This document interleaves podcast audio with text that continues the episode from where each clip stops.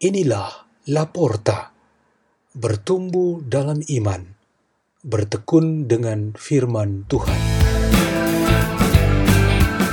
Bacaan dibawakan oleh Friska Magdalena dari Gereja Santa Maria diangkat ke surga, Paroki Katedral Keuskupan Agung Jakarta, dan renungan dibawakan oleh Benri Sinurat dari Gereja Santa Maria diangkat ke surga, Paroki Katedral Keuskupan Agung Jakarta.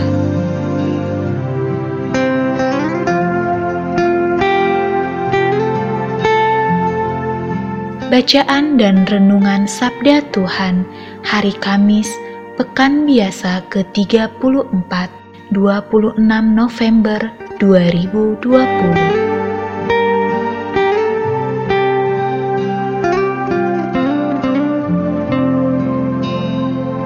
Pembacaan dari Kitab Wahyu. Aku, Yohanes, melihat seorang malaikat lain turun dari surga. Ia mempunyai kekuasaan besar, dan bumi menjadi terang karena kemuliaannya. Ia berseru dengan suara nyaring, katanya, "Sudah roboh, sudah robohlah Babel, kota besar itu." Kota itu telah menjadi tempat kediaman roh-roh jahat dan tempat bersembunyi semua roh najis dan segala burung yang najis dan yang dibenci. Dan tampaklah seorang malaikat yang kuat mengangkat sebuah batu sebesar batu kilangan, lalu melemparkannya ke dalam laut.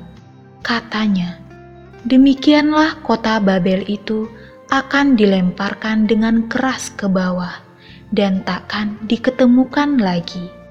Suara para pemain kecapi, para penyanyi, para peniup seruling dan sangkakala takkan terdengar lagi di dalammu.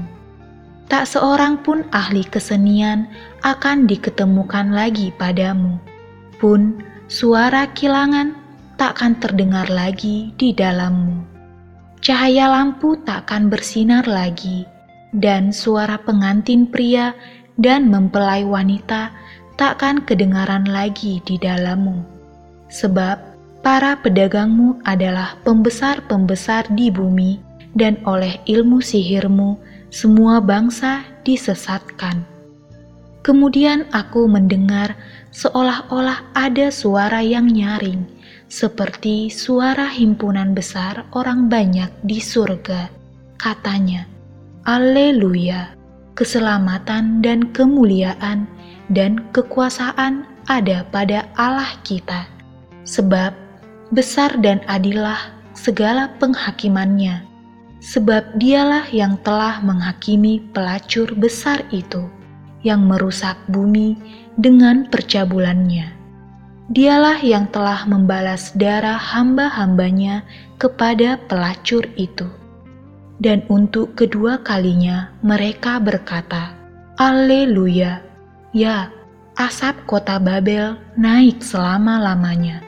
Lalu malaikat itu berkata kepadaku, Tuliskanlah, berbahagialah mereka yang diundang ke perjamuan nikah anak domba Demikianlah sabda Tuhan.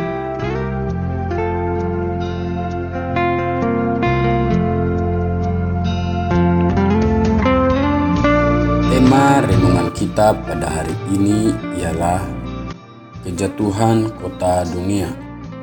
Hari-hari menjelang akhir tahun liturgi, pewartaan firman Tuhan tentang akhir zaman menjadi dominan. Kitab Wahyu yang ditampilkan dalam bacaan pertama memberikan gambaran berupa imajinasi masa depan yang cenderung menampilkan gejala alam yang sangat dahsyat.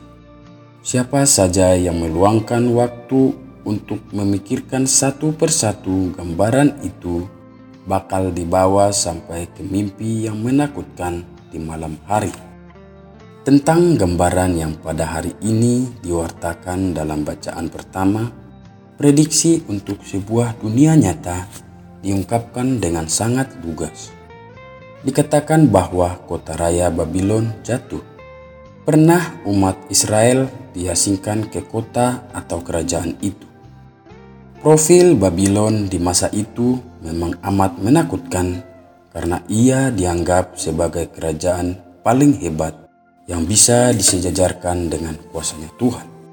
Namun dalam pewartaan tentang akhir zaman, jangankan sebuah bagian kecil dari bumi, yaitu kerajaan Babylon, langit dan bumi juga diguncangkan oleh sebuah bencana yang amat dahsyat. Babylon yang jatuh dan hancur merupakan gambaran nyata bagi kerapuhan, kesementaraan, kefanaan semua kekuasaan di dunia, dan mewakili semua kemegahan kota-kota atau bangsa-bangsa di dunia. Yesus dalam pengajarannya juga meyakinkan pendengarnya bahwa kota suci Yerusalem akan mengalami saat suram yang sangat memalukan. Ia akan diinjak-injak oleh para bangsa asing dan dengan berakhirnya kerajaan di Yerusalem sekitar pertengahan abad ke-1 selesai juga zaman bangsa-bangsa lain. Dua contoh keruntuhan kota dan bangsa tersebut sungguh menandakan bahwa segala sesuatu di bumi ini tidak abadi.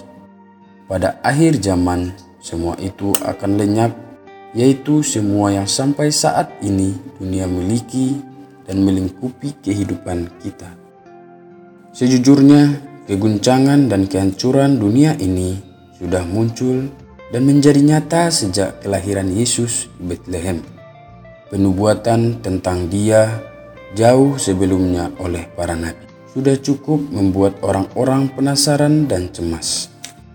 Yang merasa guncang amat mendalam ialah Herodes dan seterusnya semua pihak yang berada di dalam arus yang tidak menerima Yesus sebagai Mesias sebenarnya dari Bapa sebagai jawaban Allah atas penolakan tersebut, pada akhir zaman, kota-kota, bangsa-bangsa, dan para penguasanya akan dibuat tidak berdaya. Mereka yang tetap tidak menerima Yesus akan mendapatkan hukuman yang kekal. Mereka yang menerima dan mengimani Yesus tentu mendapatkan keselamatan. Pada hari ini, kita mendapatkan satu kesempatan untuk sekali lagi menyerukan di dalam hati bahwa saya berada di pihak Yesus, maka saya akan selamat. Marilah kita berdoa dalam nama Bapa dan Putra dan Roh Kudus. Amin. Ya Tuhan Allah, semoga kami tetap bersemangat mempersiapkan diri untuk menyambut akhir zaman dalam iman dan kasih yang tulus. Salam Maria, penuh rahmat Tuhan sertamu, terpujilah engkau di antara wanita, dan terpujilah buah tubuhmu Yesus. Santa Maria Bunda Allah, doakanlah kami yang berdosa ini, sekarang dan waktu kami mati. Amin. Dalam nama Bapa dan Putra dan Roh Kudus. Amin. La porta, la porta la porta.